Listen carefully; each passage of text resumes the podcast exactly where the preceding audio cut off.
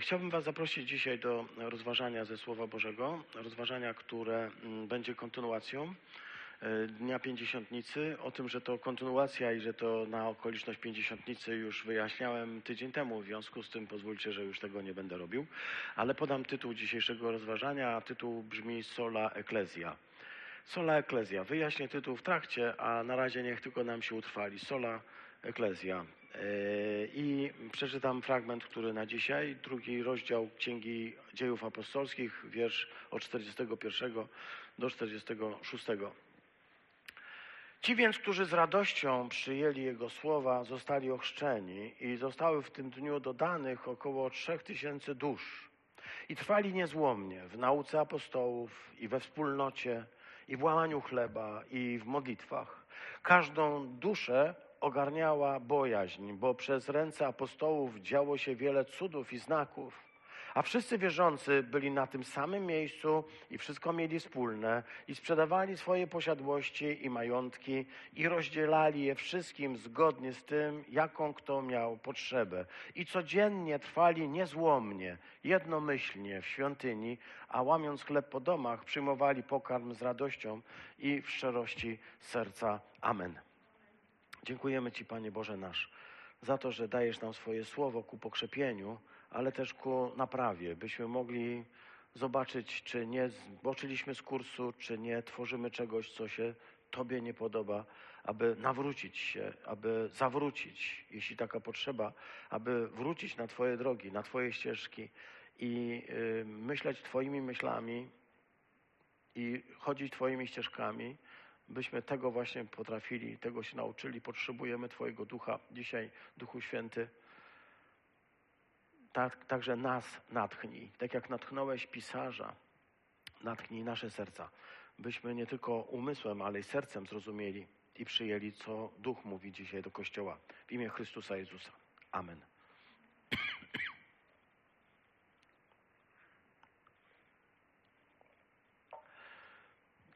Słuchali słowa, y, które głosił Piotr i e, ich serca, e, ich serca zostały e, przekłute. No właśnie, przekłute czy przekute. Darek zwrócił uwagę na, na to, że może być tutaj słowo przekute. Nie tylko przekłuć, ale przekuć, ponieważ serce musi być przekute na nowe serce, na inne serce. Oczywiście coś może do nas głęboko dotrzeć.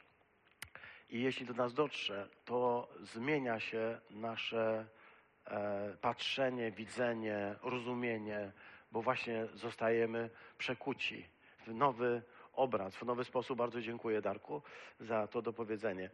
E, co mamy czynić, mężowie bracia? zapytał Piotr.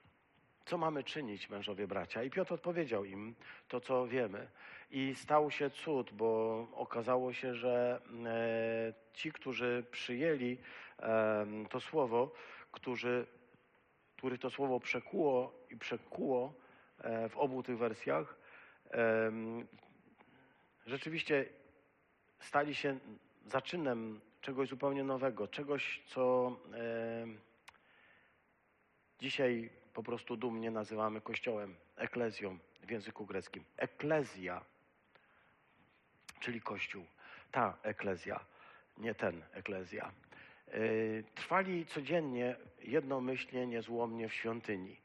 Świątynia jerozolimska w tym kształcie, jaka, jaką tu widzimy, była w czasach apostołów, została zburzona w 70 roku przez Tytusa. Dzisiaj nie ma na wzgórzu świątynnym tego budynku.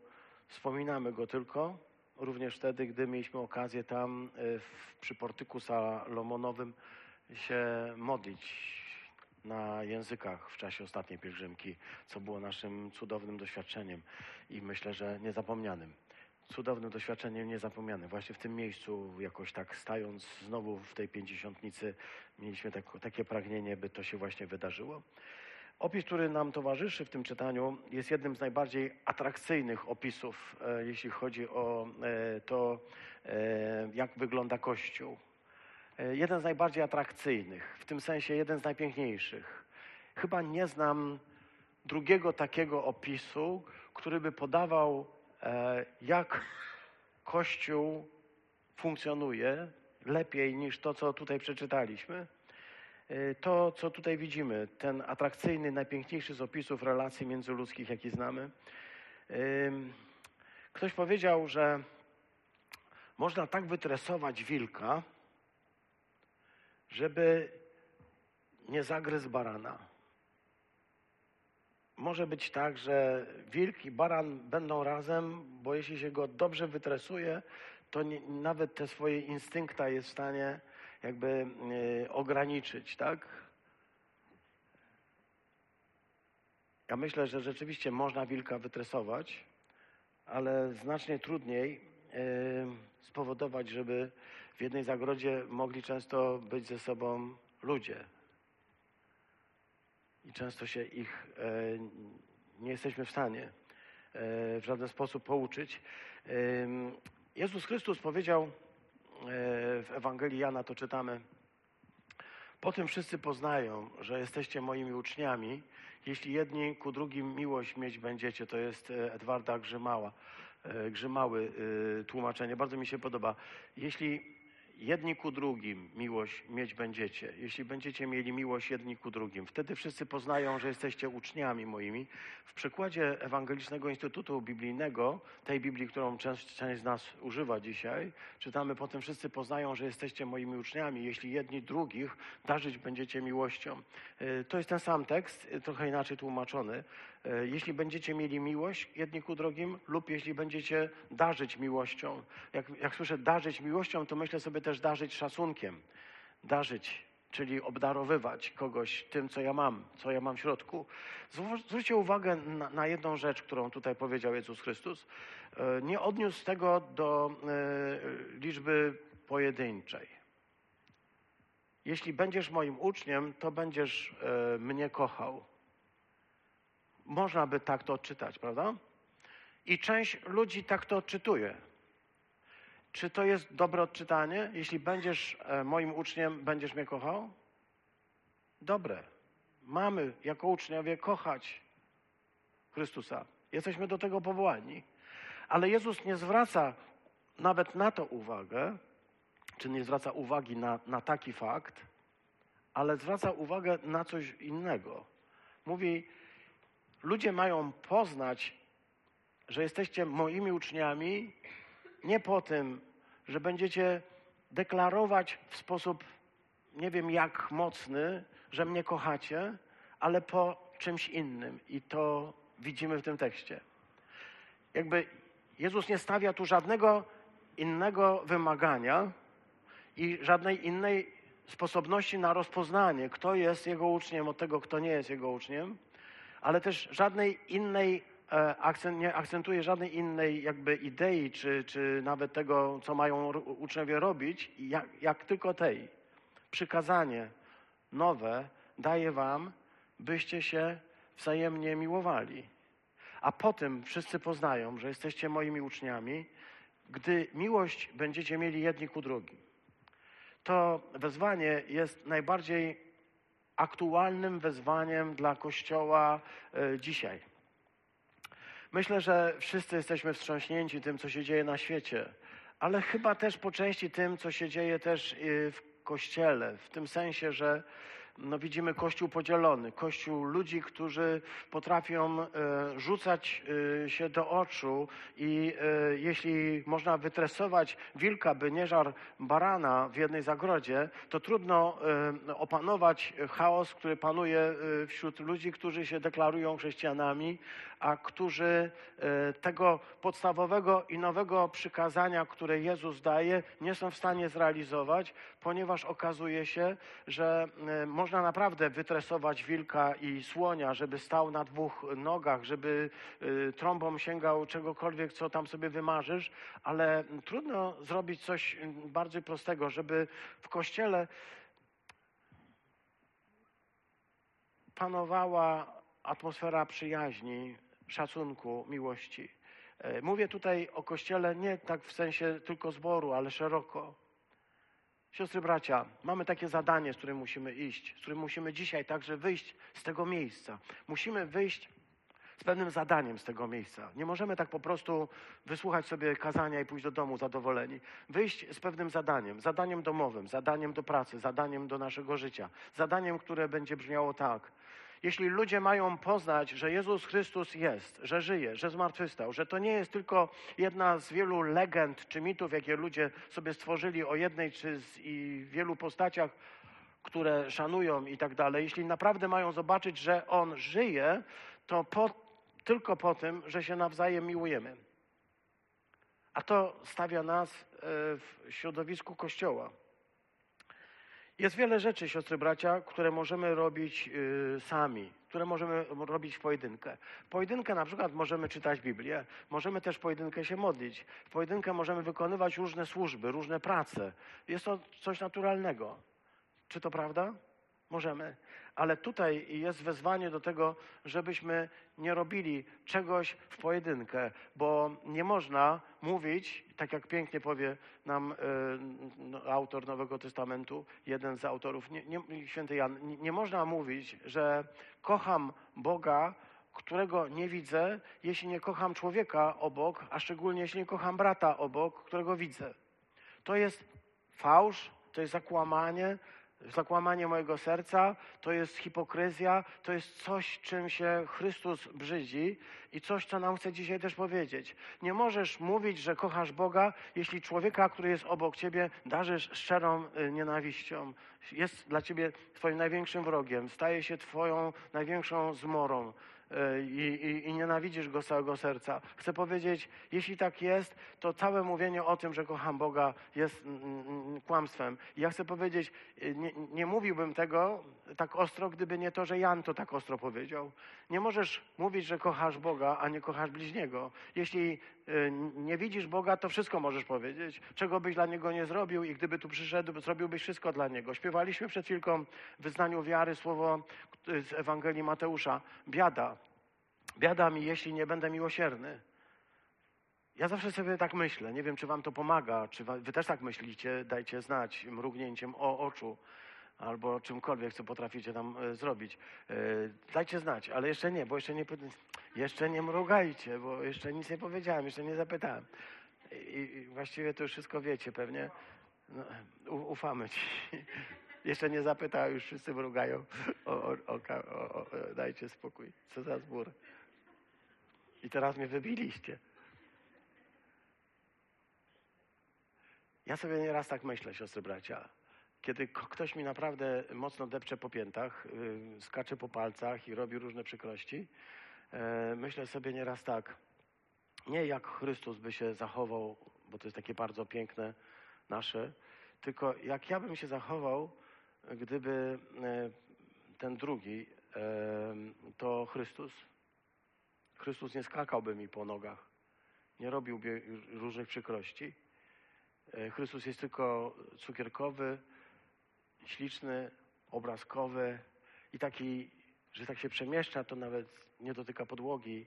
Taki, że jak przychodzi, to nawet nie wiem, że przyszedł. a niektórzy dostali sznurem po plecach w świątyni, pamiętacie? Wygonił. Sznur związał i wygonił. Nieraz sobie myślę tak, czy jestem w stanie e, zobaczyć w tym drugim człowieku, który jest obok mnie, szczególnie w bracie, siostrze, ludzi, którzy zadeklarowali się jako chrześcijanie, zobaczyć rzeczywiście Chrystusa. Może tam jest taki bardzo ukryty, Nieraz myślę sobie, siostry bracia, że niektórzy z nas e, przypominają e, e, czołg. Od e, ludzi oddziela cię pancerz. I jeszcze, jeszcze do tego pancerza są jeszcze dodane inne takie specjalne, wiecie, jak to w dzisiejszych czołgach, takie ładunki wybuchowe, że jak ktoś cię uderzy, to wybuchniesz, tak? To, co mówił Darek. Po prostu uderzy, to wybuchniesz, żeby nie uszkodzić pancerza. Jeszcze duża lufa i peryskop. E, peryskop bardzo ważny, bo oglądasz świat przez peryskop, prawda? Nie wychodzisz z tego czołgu, tylko patrzysz, jak to wszystko wygląda. Ja mam taki obraz oczywiście z czterech pancerny i pies. Ja nie wiem, jak to dzisiaj wygląda. Pewnie dzisiaj dzisiaj nikt nie ma peryskopów, ale ja pamiętam takie rzeczy. Proszę wybaczyć mi y, moją nieznajomość sztuki współczesnej, sztuki wojennej. Lufa długa, groźna, z kilka karabinów maszynowych i jeszcze y, ładunki y, wybuchowe, które są wokół, jestem nim obudowany. Chrześcijanin, który siedzi w środku i przygląda się światu i innym ludziom z grubymi gosienicami jeżdżącymi po stokrotkach. Siostry, bracia, jest wiele rzeczy, które możemy robić sami, ale sami nie jesteśmy w stanie miłować się nawzajem. Nie jesteśmy w stanie indywidualnie e, zrobić e, wiele rzeczy, które mamy do zrobienia jako Kościół. Ludzi, którzy mówią, że nie potrzebują Kościoła, ludzi, którzy mówią, że nie potrzebują e, być we wspólnocie, powiem Wam szczerze, kompletnie nie rozumiem. Bo ja nie wiem, jak można połączyć to y, z Ewangelią. Jak można to połączyć e, nie tylko z dzisiejszym czytaniem tutaj z dziejów apostolskich, ale w ogóle z czymkolwiek, co wiemy od początku Biblii aż po dzisiaj. Jak można powiedzieć, nie potrzebuję wspólnoty, jeśli tylko wspólnota jest w stanie być środowiskiem, w którym mogę żyć. To tak jakby ryba powiedziała, nienawidzę wody. Nie, nie potrzebuję wody. Brzydzę się wodą. Woda jest mokra, zimna. Kościół. Kiedy czytamy te wielkie sola protestanckie, sola, czyli po łacinie tylko tyl, lub jedynie, to wśród tych sola jest to wielkie sola scriptura, e, czyli zasada formalna, gdzie jest prawda, wielkie hasło reformacji, może raczej slogan proformacyjny, bo to później się chyba utworzyło. Oczywiście znamy te wielkie sola, które Melanchthon już zapisał. Teraz będziemy troszkę e, edukować. E, taki moment edukacyjny w czasie kazania. Na ten moment e, nikt nie czekał, ale ja go po prostu realizuję, bo jestem obrzydliwie nauczycielem. Sola gratia, czyli tylko łaska. Sola fide, czyli jedynie tylko wiara to są zasady materialne, niepotrzebnie to mówię. Sola, które tutaj czytamy u Melanchtona, Melanchton to jest uczeń i współpracownik Marcina Lutra, on y, rzeczywiście takie sola sformułował. Tylko przez łaskę jesteśmy usprawiedliwieni i tylko przez wiarę jesteśmy, e, utrzymujemy usprawiedliwienie. To te sola gracja, sola fide, sola scriptura, te trzy wielkie sola reformacji, Potem zaczęto dodawać nowe, bo dopiero w 1916, zobaczcie, e, kochani, jakieś 400 e, lat po e, reformacji luterański uczony Theodor Engelder opublikował artykuł, który mówi o trzech zasadach reformacji. Sola gratia, sola scriptura, sola gratia, sola fide, czyli tylko Pismo Święte, tylko łaska, tylko wiara. W 1916. Dopiero potem, i to znowu dość późno, dodano jeszcze dwa wątki i w 1965 roku John Baptist Metz, to jest e, człowiek, który napisał książkę Kościół i Świat, napisał tak, e, jest pięć wielkich sola reformacyjnych. Oprócz tych trzech, które tu wymieniałem, jeszcze solus Christus i soli deo gloria, czyli tylko Chrystus i tylko Bogu chwała. To są oczywiście hasła zebrane razem i one dają ostatecznie pięć wielkich sola, które wcale nie są e, pozostałością po wczesnej reformacji, tylko raczej konsekwencją właściwie tego myślenia reformacyjnego. Ale ja w książeczce e, Manfreda Unglorza od samoświadomości do świadectwa wiary. Kiedyś przeczytałem także o solum verbum, czyli o słowie tylko słowo, ale nie skryptura, pismo, tylko verbum, mówione słowo, czyli też kazanie i to, co tutaj na stole, czyli wieczerza pańska, czyli chrzest, to jest solum verbum. To jest jeszcze jedno solum, solum. Ale ja dążę do tego, żeby powiedzieć, że dzisiaj mamy jeszcze y, innych teologów, którzy mówią, że Kościół potrzebuje jeszcze innych sola. Y, ja bym zwrócił uwagę odwrotnie. Najpierw na sola caritas, y, czyli tylko miłość caritas w znaczeniu tylko miłość i sola ecclesia, czyli tytułowa sola dzisiejszego kazania, sola ecclesia, czyli tylko Kościół. E, to e, z kolei anglikańscy teologowie, którzy sprzeciwili się e, we współczesności w latach 80. nadmiernemu w protestantyzmie ekstremizmowi i separatyzmom, w których człowiek zaczyna mówić, nie potrzebuje Kościoła, nie potrzebuje Kościoła. Ja przez to nie potrzebuje kościoła. Nie myślę tutaj o takim czy innym kościele. Oczywiście możemy dyskutować, które y, bardziej przypominają wzór biblijny, które mniej, ale zwrócę uwagę na to, nie potrzebuję kościoła w znaczeniu dzisiaj już jesteśmy tak zindywidualizowani, że mi ten drugi człowiek w ogóle przeszkadza w chrześcijaństwie, ponieważ y, ja wiem lepiej i ja wiem, co powinno się dziać. Wracamy do naszego tekstu, żebyśmy nie zgubili tego, co jest istotne. Ci, którzy z radością przyjęli Jego słowo, słowo, które głosił Piotr, ochrzczeni i w tym dniu zostało ochrzczone 3000 dusz. Na temat tych 3000 mówiłem tydzień temu i trwali niezłomnie, trwali niezłomnie. Jak tutaj możemy przeczytać w nauce apostołów, we wspólnocie w łamaniu chleba i w modlitwach. Ci, którzy z radością przyjęli słowo, ci, którzy z radością przyjęli słowo. Mi się to strasznie podoba, bo, bo słowo można przyjąć z radością lub można przyjąć obojętnie. Można przyjąć jeszcze na tysiąc sposobów. Jak przyjmujecie y, słowo, które się wam mówi? Jak przyjmujemy uwagi, które nam mówią nauczyciele? Jak przyjmujemy uwagi, które nam mówią rodzice? Jak przyjmujemy uwagi współmałżonków? Jak przyjmujemy to, co, y, jak rozmawiamy? W jaki sposób? Tutaj czytamy, że y, oni przyjęli słowo i przyjęli je z radością. To znaczy, że to słowo wywołało w nich jakąś radość, że oni się wreszcie ucieszyli. Ja, ja mam takie wrażenie, nie wiem, siostry, bracia, czy się zgodzicie, ale że Słowo Boże, kiedy je przyjmujemy, wywołuje w nas coś wyjątkowego, wywołuje w nas taki rodzaj eksplozji radości, kiedy wreszcie wiem, że to jest tak, jak mówi Chrystus. I to jest fantastyczne doświadczenie doświadczyć tego można wtedy właśnie, kiedy człowiek je przyjmuje po prostu całym sobą, kiedy przyjmuje je takim, jak ono jest naprawdę. E, Przyjęli je mm, z radością i zostali ochrzczeni, czyli zostali zanurzeni e, w Jezusa, w Jezusa Chrystusa, mówiliśmy to ostatnio. A teraz zo- zostaje nam jeszcze ten wątek, który tutaj mogliśmy przeczytać, czyli to, że tworzyli taką idealną wspólnotę. Ja chcę powiedzieć, mi się bardzo podoba w tym, e, tej historii, tej historii bardzo mi się podoba e, to, że mamy do czynienia z, z pokazaniem wspólnoty chrześcijan, wspólnoty, którą jest eklezja, jako wspólnoty ludzi, którzy ze sobą są, blisko tworzą relacje, zawiązują przyjaźni, ale przede wszystkim przebywają ze sobą, przebywają ze sobą i sobie nawzajem usługują, sobie nawzajem pomagają. Stanowi to dla mnie jakiś taki wyraźny e, model e, Kościoła dla wszystkich wspólnot. Wiecie, może on nie jest, e, ja nie wiem, może on nie jest możliwy do zrealizowania, tak? To jest coś takiego bardzo trudnego, kiedy się patrzę na ten tekst, kiedy się patrzę na ten tekst, siostry bracia, kiedy się patrzę na to, jak oni trwali, e, jak ich e, serca były przygotowane, otwarte, a przede wszystkim jak bardzo dbali o to, żeby nikomu niczego nie brakowało, jak bardzo dbali o to, żeby sobie nawzajem usługiwać. Kiedy o tym sobie myślę, to myślę o takim kościele, którego chyba wszyscy pragniemy. Ja nie wiem, czy mogę tak powiedzieć, ale ym, tak powtórzyć za Marcinem Lutherem Kingiem, prawda? Miałem taki sen, albo mam taki sen. Mam taki sen o kościele, który y, jest właśnie taki.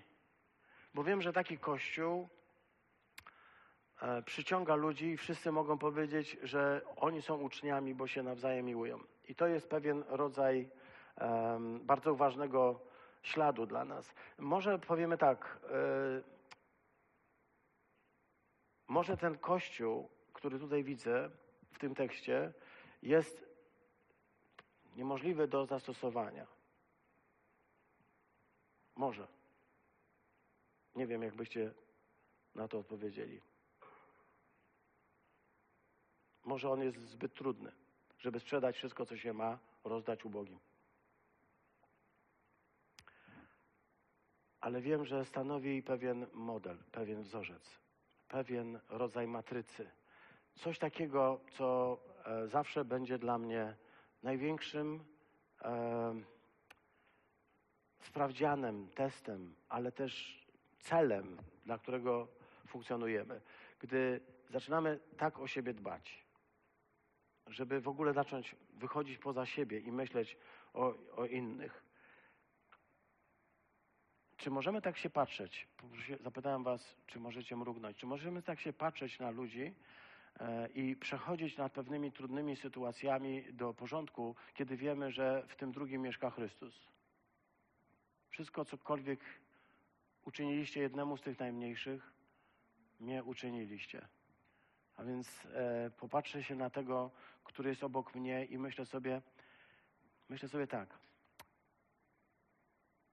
Gdyby tu Chrystus fizycznie stanął między nami, to czy kol, ktokolwiek czegokolwiek by mu odmówił? Czy ktokolwiek z nas chciałby robić coś innego, jak tylko mówić, patrzeć, słuchać? Potrzebujesz szklanki wody, potrzebujesz kawy, potrzebujesz usiąść, potrzebujesz krzesła.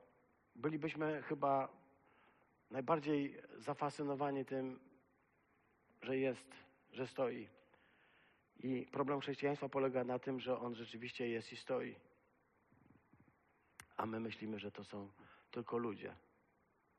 A to on jest. On jest. Często e, myślę o e, tych czterech elementach, które są tutaj wymienione: nauka apostołów, wspólnota, łamanie chleba i modlitwa, jako o takich czterech filarach, na których opiera się Kościół. Cztery filary, na których opiera się Kościół. E, My mamy nawet taki swój własny model tych e, czterech filarów. Przypomnę, on wygląda w ten sposób, e, czyli jak, to się nazywa? Opaska. Opaska, okej. Takie opaski mamy na, na, na, na, niektórzy z nas noszą.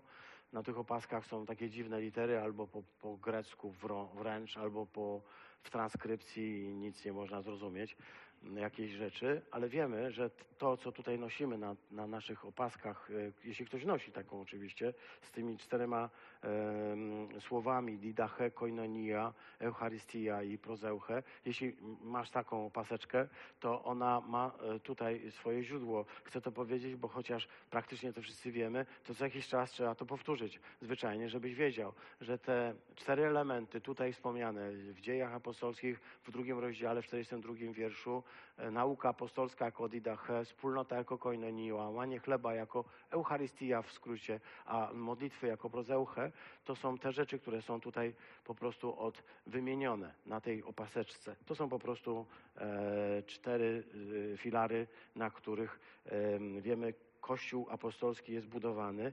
I o tych filarach chciałbym e, króciutko dzisiaj też jeszcze wspomnieć, bo wydaje mi się, że, że one są e, dość ważne. Pierwszy filar, e, który tutaj jest, e, brzmi e, nauka apostolska.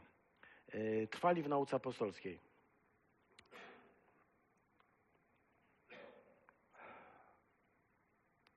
Czytacie Ewangelię i e, powiedzcie, czytając Ewangelię, słuchając tego, co Jezus mówi do ludzi, czy jest coś takiego, że Jezus wykłada ludziom e, doktryny biblijne? Przychodzi i zaczyna mówić katechizm, pytania i odpowiedzi. Co to znaczy trwali w nauce apostolskiej?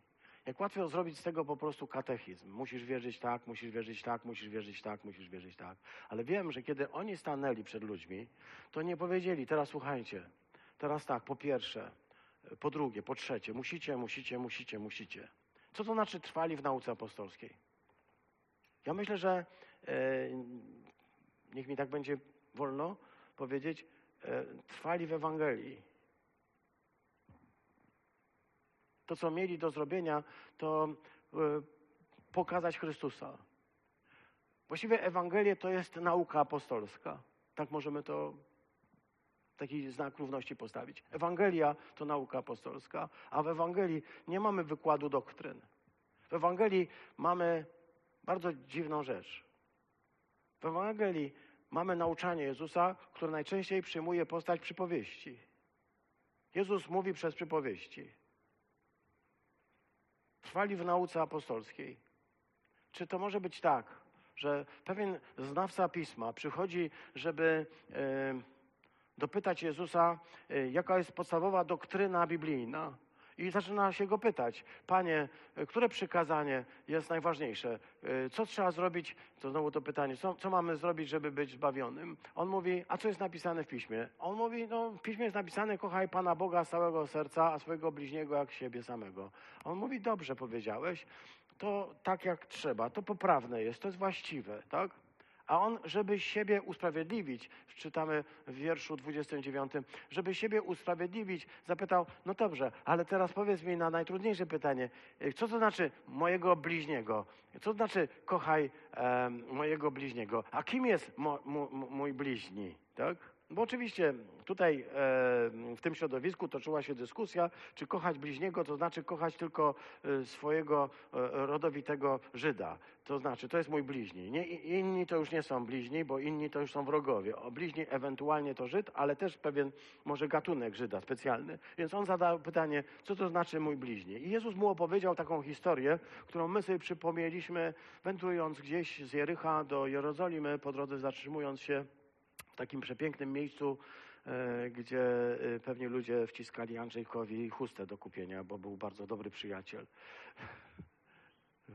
Widzę uśmiechy na niektórych twarzach, bo wiem, że wiecie o czym mówię. Tam jest bardzo takie malownicze miejsce do tego stopnia malownicze i to jest fantastyczne, co się Panu Jezusowi udaje, że ja słyszałem w czasie, kiedy rozmawialiśmy o tym miejscu, że to jest to miejsce, gdzie e, e, pewien Samarytanin idąc znalazł tu, w tym miejscu, nawet można postawić tam kapliczkę, to tutaj znalazł e, tego pobitego człowieka, którego pobili zbójcy i tak zostawili go podal drogi, takie wąskie ścieżki. I tamtędy przechodził kapłan i tamtędy przechodził lewita i wreszcie tamtędy szedł jakiś Samarytanin. Tfu, zakała e, rodziny. Na zasadzie takiej. Ktoś taki szedł. To, to jest ta, ta ścieżka. Aż, wiecie, to mi się podoba, ponieważ to pokazuje, że Jezus potrafi z, e, z historii, którą e, przedstawia, z przypowieści, zrobić coś takiego, że my wręcz chcemy powiedzieć, która to ścieżka, w którym to miejscu, tak na tej zasadzie, ale tu nie o to chodziło. On przedstawił tam historię o tym, co to znaczy, że, mm, ja, jak chcę to powiedzieć, co znaczy trwali w nauce apostolskiej. Bo wiesz, naukę apostolską można przedstawić jako katechizm, można powiedzieć, musisz wierzyć w to, w to, w to, w to, w tamto. Ale ja wierzę, siostry bracia, że chrześcijaństwo nie zasadza się na przekonaniach katechizmowych, ale na tym, żeby trwać w tym, co uczył Jezus Chrystus. A on mówił, żeby traktować człowieka, który jest twoim bliźnim, nawet jeśli ten człowiek jest twoim wrogiem. A może się okazać, że twoim najbliższym y, y, ratunkiem będzie ktoś, komu kto wydawał ci się wrogiem, tak? Może się okazuje, że ten, który wydawał ci się największym wrogiem, będzie tym, który uratuje ci życie. Tak jak Samarytanin, który dla każdego Żyda jest po prostu zwyczajnie wrogiem i którego należało omijać dużym łukiem. Ale to właśnie ten Samarytanin uratował mu życie. Może właśnie ktoś, kto jest twoim wrogiem, ratuje ci życie.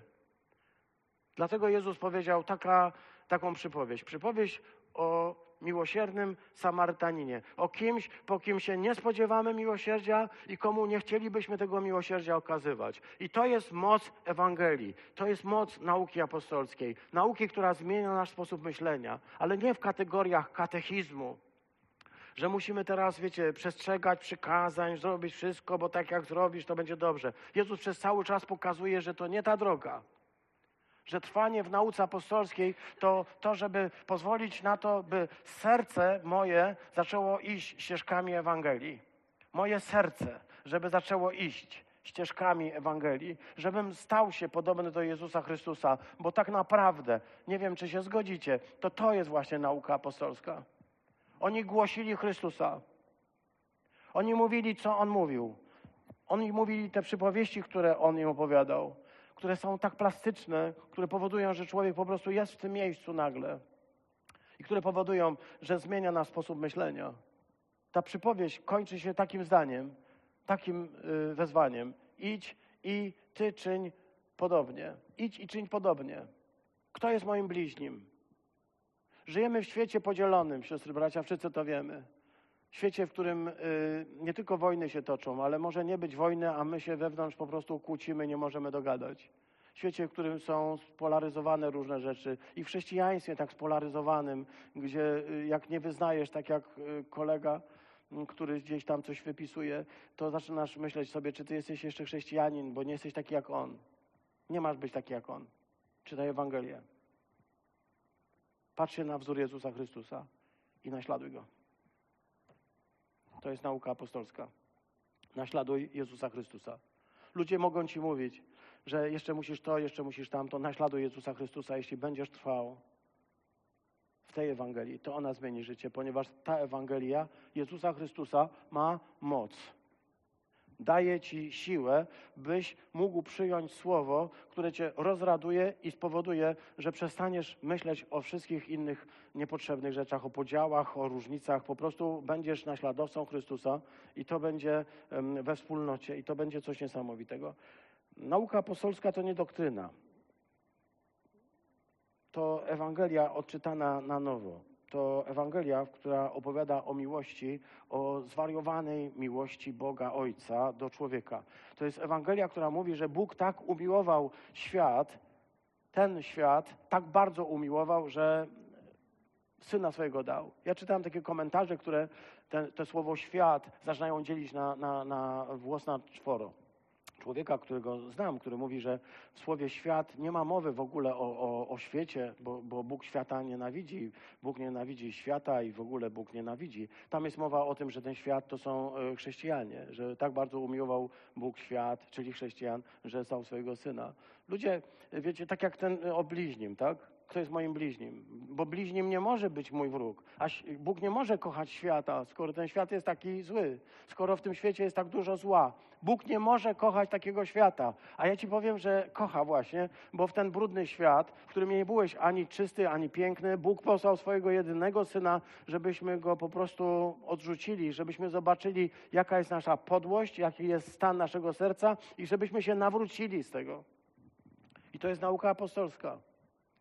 Nauka, która nie zasadza się na czystości doktrynalnej, bo możesz wyznawać wszystkie doktryny poprawnie i być po prostu nie człowiekiem. Być po prostu zakałą. Być po prostu nieludzki. Można tak? Można tak?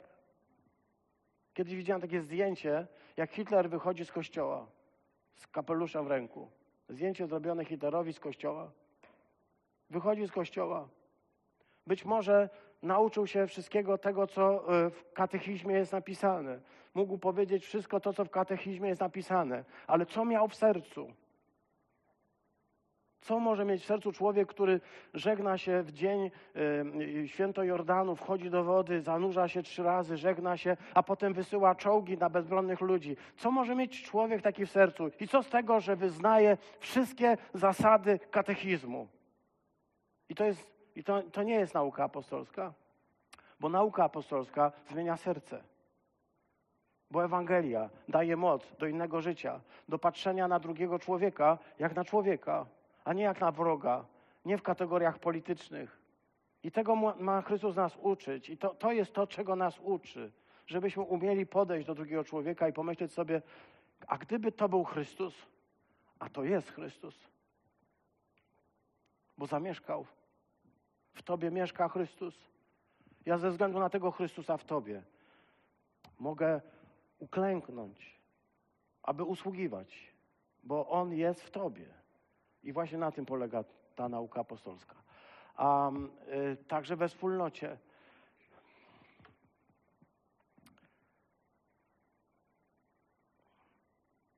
Kiedy myślę sobie, co to znaczy trwali we wspólnocie, to e, przychodzi mi na myśl bo to jest autorskie roz, rozmyślanie, więc mogę powiedzieć, co mi przychodzi na myśl.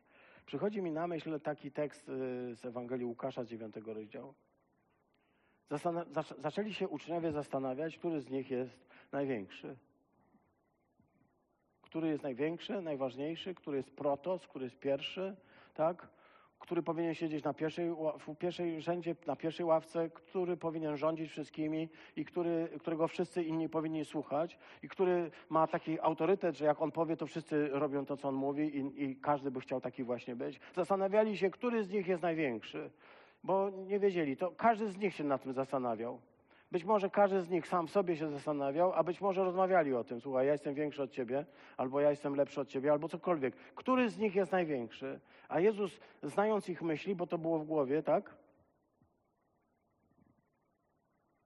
A jak ktoś okaże, że Piotr był największy? Jezus, znając ich myśli, wziął dziecko i postawił przy sobie i powiedział: Kto przyjmuje to dziecko w moje imię, mnie przyjmuje, a kto mnie przyjmuje, przyjmuje tego, który mnie posłał. Kto bowiem wśród was wszystkich jest najmniejszy, ten jest wielki. I to jest Ewangelia, która zmienia sposób myślenia. To jest wspólnota, w której nie liczy się to, jaką pozycję zajmujesz. To, czy jesteś liderem, czy jesteś e, pastorem, czy jesteś e, osobą odpowiedzialną za taką czy inną służbę, to wszystko nie ma żadnego znaczenia. W Królestwie Bożym największy to jest ten, który po prostu usługuje. Nie tylko ten, który ma napisane sługa sług Bożych, sługa sług Bożych, bo możesz sobie napisać wszystko, tylko ten, który realnie jest zainteresowany drugim człowiekiem, gotowy do tego, by usłużyć, by się uniżyć. Nie wiem, czy się zgodzicie, bo wspólnota to jest właśnie miejsce, gdzie przestajemy y, szukać swojego wyższego krzesła od innych, bo wtedy nie zbudujemy takiej wspólnoty. Kiedy będziemy szukać własnego miejsca, ten, który usługuje. I to jest jedna część tej, tej, y, tej wskazówki Chrystusa, a druga Wtedy odezwał się Jan. Mistrzu, spotkaliśmy kogoś, kto w Twoje imię wyrzucał demony. No i mu zabroniliśmy, no bo z nami nie chodzi. Bo on jest być może od baptystów, albo co gorsza, może to metodysta jest, presbiterianin. Nie daj Boże, a może katolik, nie. Zabranialiśmy bo, bo z nami nie chodzi. Bo nie tworzy z nami tej wspólnoty. A Jezus powiedział do niego: Dobrze zrobiliście, pogoniliście. Takich tam. I love you. Na tej zasadzie. Nie, mówi Jezus, nie zabraniajcie. Tak? Nie zabraniajcie. Kto bowiem nie jest przeciwko wam, ten jest wami. Jest to chyba najważniejsza lekcja dla chrześcijaństwa dzisiaj. Kto nie jest przeciwko nam, kto nie występuje przeciwko nam. Ale ludzie występują. Nie, pozwólcie, pozwólmy na to, by w naszych sercach, w naszych sercach, za inne serca nie możesz odpowiadać. Innych serc nie, nie, nie strzeżesz. Strzeż swojego serca. I w tym swoim sercu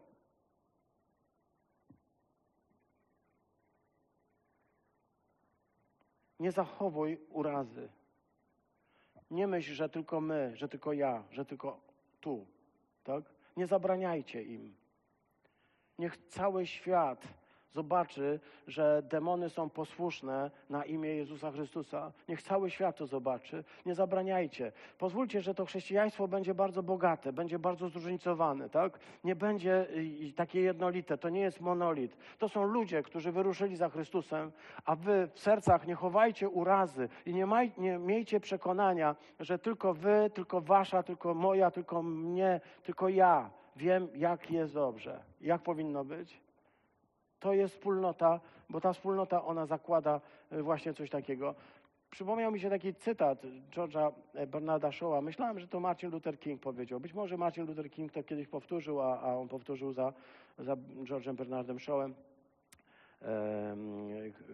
Myślę, że, że znamy tego autora, choć może e, niezbyt dobrze, bo przecież Pigmalion to nie jest znowu taka, taki dramat, który często jest czyta, czytany czy opowiadany. On powiedział tak – Teraz, gdy się już nauczyliśmy, to jest tak na, na przełomie XIX-XX wieku żył. Teraz, gdy się już nauczyliśmy latać w powietrzu jak ptaki, pływać pod wodą jak ryby, nam jednego tylko brakuje. Nauczyć się na ziemi żyć jak ludzie. Nauczyć się po prostu żyć jak ludzie. Bo już my opanowaliśmy kosmos, możemy już chodzić po księżycu, możemy już wysyłać ludzi na Marsa, możemy robić niestworzone rzeczy, ale jeszcze tej, tej jednej rzeczy nie umiemy. Nauczyć się żyć jak ludzie. To jest wspólnota. I wiecie, Jezus Chrystus nauczył nas żyć jak ludzie. Ja was nie nauczę. Jezus Chrystus może nas nauczyć żyć jak ludzie, bo On żył jak człowiek. Nawet bym powiedział, jak, jako jedyny człowiek potrafi powiedzieć, co jest dobre, co jest złe, jak należy i jak nie należy. A więc jeśli Jego będziesz słuchać, to wiem, że to też jest część tej wielkiej nauki apostolskiej i tego, co dla nas jest bardzo ważne, ale trwali też y, w łamaniu chleba. To też jest y, ważny, bardzo ważny element. Bardzo często w, e, w, w Starym i Nowym Testamencie pojawia się taka idea, idea, która mówi o tym, że Bóg nam zastawia stół obficie na oczach nieprzyjaciół. To Psalm 23. E, w Ewangelii Mateusza znamy wszyscy taką przypowieść, która mówi o tym, że Królestwo Niebieskie podobne jest do króla, który postanowił wyprawić ucztę, wielką ucztę. Łamanie chleba i to, co my tutaj robimy tak skromnie, y, stół i chleb i wino, jest zapowiedzią, jest obrazem tego, do czego nas Chrystus zaprasza. Dzisiaj może tego nie jest zbyt dużo i może to nie jest zbyt y, jakieś wykwintne, tak? Zwykła maca i troszkę odrobina y, białego wina i to jest wszystko, co możesz dzisiaj dostać. Ale to jest zapowiedź, to jest pewność, że Bóg zaprasza cię na ucztę, na to, żeby z tobą połamać chleb na to, żeby złamać z Tobą chleb, dzielić z Tobą Twój los. I jeszcze coś. Jeśli jesteś w czyimś domu, to On gwarantuje Ci bezpieczeństwo. Przy stole Pana jesteś bezpieczny, bo to jest Jego stół. Często to mówimy. To nie jest nasza wieczerza, to jest wieczerza pańska. To nie jest nasz stół, to jest stół pański, ponieważ to Pan nas zaprasza do tej wspólnoty i jesteśmy bezpieczni. Pamiętacie Lota?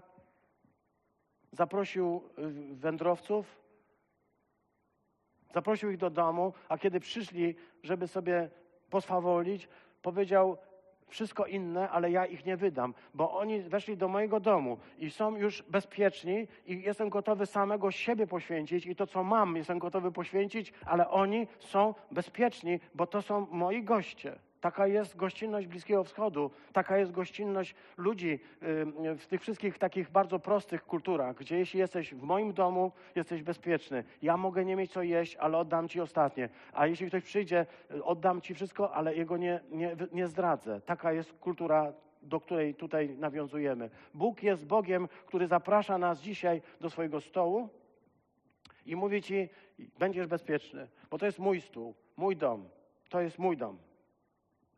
I tutaj żaden diabeł, żadna siła nie może cię stąd wyrwać i nie, może, nie, nie oddam ciebie. Nikomu ciebie nie oddam, bo jesteś w moim domu. I w modlitwach. Nawet nie w modlitwie, tak? Tu jest liczba mnoga. W modlitwach. Tak jak w tradycji żydowskiej było wiele modlitw. Jest taka piękna e, opowieść w Talmudzie, e, której e, czytamy coś takiego, że trzeba pierwszą modlitwę zmówić, kiedy jest jutrzenka. I zastanawiano się nad tym, a kiedy jest jutrzenka? Wiecie, to jest taki moment, kiedy y, jeszcze nie ma dnia, ale już się noc kończy. Taki moment astronomicznie mm, rozmyty. Y, I tak nie, nie, nie do końca sprecyzowany, bo to no właśnie, i uczeni e, rabini Talmudu dyskutowali, który to jest taki moment, kiedy się rozszczepia świt i w którym, którym momencie. I tam była taka dyskusja, czy można wtedy, kiedy można rozpoznać, nie wiem, psa od wilka albo łabędzia od kaczki. Nie. Tam jest napisane, że wtedy, gdy możesz rozpoznać swojego brata. Jutrzenka jest wtedy, gdy możesz rozpoznać brata. Gdy możesz rozpoznać jego rysy i powiedzieć, tak, to on. Kiedy człowiek może rozpoznać w drugim brata, to zaczyna się jutrzenka. Zaczyna się coś zmieniać. Ale kiedy czytamy w modlitwach, to właśnie od tego momentu, od tej jutrzenki zaczynają się wszystkie modlitwy żydowskie. Od jutrzenki. My nie praktykujemy tej godziny modlitw, nie praktykujemy mm, właśnie tych e, stacji, ale muszę powiedzieć tak, my chcemy jak najczęściej do tych modlitw wzywać, bardzo różnych. I Tutaj też na koniec przypowieść. Przypowieść o tym, że zawsze powinniśmy się modlić i nigdy się nie zniechęcać. I to jest przypowieść o pewnym człowieku, który był bardzo e, ważny i bardzo ceniony, autorytet w świecie, w mieście, najważniejszy sędzia. I kobieta, która była wdową, a więc e, najniższa z najniższych, bo ona nic nie mogła już. I, i tu jest wezwanie do tego, żeby jak najczęściej, jak najczęściej myśleć w ten sposób o sobie myśleć o sobie. Jestem jak uboga wdowa. Ktoś, z kim się nikt nie liczy, kto można ze, mną zrobić wszystko, ale ten sędzia mówi, tak mnie nachodzi, tak mnie nachodzi, tak mnie nachodzi, że wreszcie dobra, niech będzie, bo po prostu nie, jak jej nie wezmę w obronę, to po prostu nie da mi spokoju, jeszcze mnie po prostu pobije. I tutaj koniec jest taki, posłuchajcie, co mówi niesprawiedliwy sędzia. Bóg natomiast, czy nie weźmie w obronę swoich wiernych, kiedy do Niego wołają dniem i w nocy? Czy będzie zwlekał, czy będzie zwlekał w ich sprawie? Nie. E, trwali w modlitwach, w modlitwach, nieustannych modlitwach. Siostry bracia, jest tak, że niektóre nasze modlitwy są wysłuchiwane zaskakująco wcześnie, a niektóre są wys- wysłuchiwane zaskakująco późno. Miałem kiedyś taką kartkę, z, które jak się nawróciłem, napisałem sobie swoje prośby modlitewne do Pana Boga, była jak i cała lista. Może z 20, może trochę więcej. I na tej liście były bardzo różne osoby. Byłaś ty, Aniu, był Marek, był Waldek, byłeś ty, Jacku. Bardzo różne osoby były na tej liście. I ja się tak modliłem z- tej kartki, modliłem się, modliłem jak ta wdowa, w kółko, w kółko, w kółko, w kółko, w kółko. I aż ta kartka się po prostu zupełnie tak pogięła, bo ją składałem w każdy możliwy sposób. A kiedy kiedyś się przeprowadzałem z miejsca A do miejsca B, y, znalazłem taką kartkę pogiętą i się zastanawiałem, czy wyrzucić i ją rozwinąłem i zobaczyłem, że tam są te modlitwy. Była taka jedna, która mnie szczególnie mocno dotknęła. Modliłem się o to, żeby nie musiał iść do więzienia, ponieważ w sercu postanowiłem, że nie pójdę do wojska, a co znaczy, że pójdę do więzienia, bo nie pójdę do wojska. I prosiłem Pana Boga, żebym nie poszedł do y, więzienia, chociaż odmówię służby wojskowej. I, i, I zobaczyłem, że ja się to modliłem. Długo, wytrwale i ani tu, ani tu. Ani do więzienia, ani do wojska. Czy Bóg będzie zwlekał? Wydaje nam się, że zwleka. Nie odpowiada na nasze pytania. Ale ja mam taką, takie pytanie na koniec, takie jedno proste pytanie. Wiecie, jak szybko płynie czas? Wczoraj byliśmy o 10 lat młodsi. A przedwczoraj jeszcze siedzieliśmy razem z dzieciakami w piaskownicy. Jeszcze biegaliśmy razem po parku. A dzisiaj? A dzisiaj niektórzy z nas mogą mieć już 60 lat. A jutro? Będą mieli 70. Co znaczy Bóg nie zwleka? Takie tempo. Nie zwleka.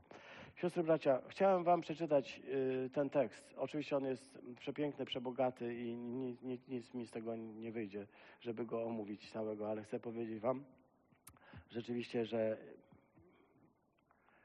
bardzo lubię, bardzo lu- lubię myśleć o nim. A jedną rzecz, dosłownie na koniec. Nawet jeśli będziesz trwał w nauce apostolskiej, we wspólnocie, w łamaniu chleba i w modlitwach, to wszystko nie są rozdzielone, rozdzielne rzeczy. To wszystko musi być razem. To wszystko musi być razem. Nie możesz z tego wybierać sobie, że jesteś od modlitwy, jesteś tylko od nauki apostolskiej. To musi być razem. Wiecie, że nawet jak się modlisz, możemy się źle modlić? Jezus powiedział, nie módlcie się jak, nie, jak poganie. Nawet jak pościsz, możesz się źle pościć. I nawet jak dajesz jałmużnę, to może się Panu Bogu nie podobać. Niby robimy dokładnie to, co trzeba, ale pytanie jest nie tylko o to, co robimy, co trzeba, tylko dlaczego to robimy. Dlaczego to robię? Czy po to, żeby siebie rozkręcić, czy może po to, żeby po prostu wypełnić Ewangelię? Ewangelię, która ma jedną rzecz, która potrafi mnie zmienić i to zmienić w taki sposób, że ja się cieszę, że mnie zmieniła. Ja się cieszę, przyjąłem słowo z radością. Tego Wam życzę, siostry, bracia. Nie chodzi o to, że mamy teraz program, te cztery elementy musimy je zbudować. Chodzi o to, żebyśmy byli kościołem, który po prostu tak naturalnie ze sobą jest. Myślę, że mamy pewne dziedzictwo, które chcemy tutaj w tej kwestii realizować. I to jest coś takiego, co zachowamy w sercach.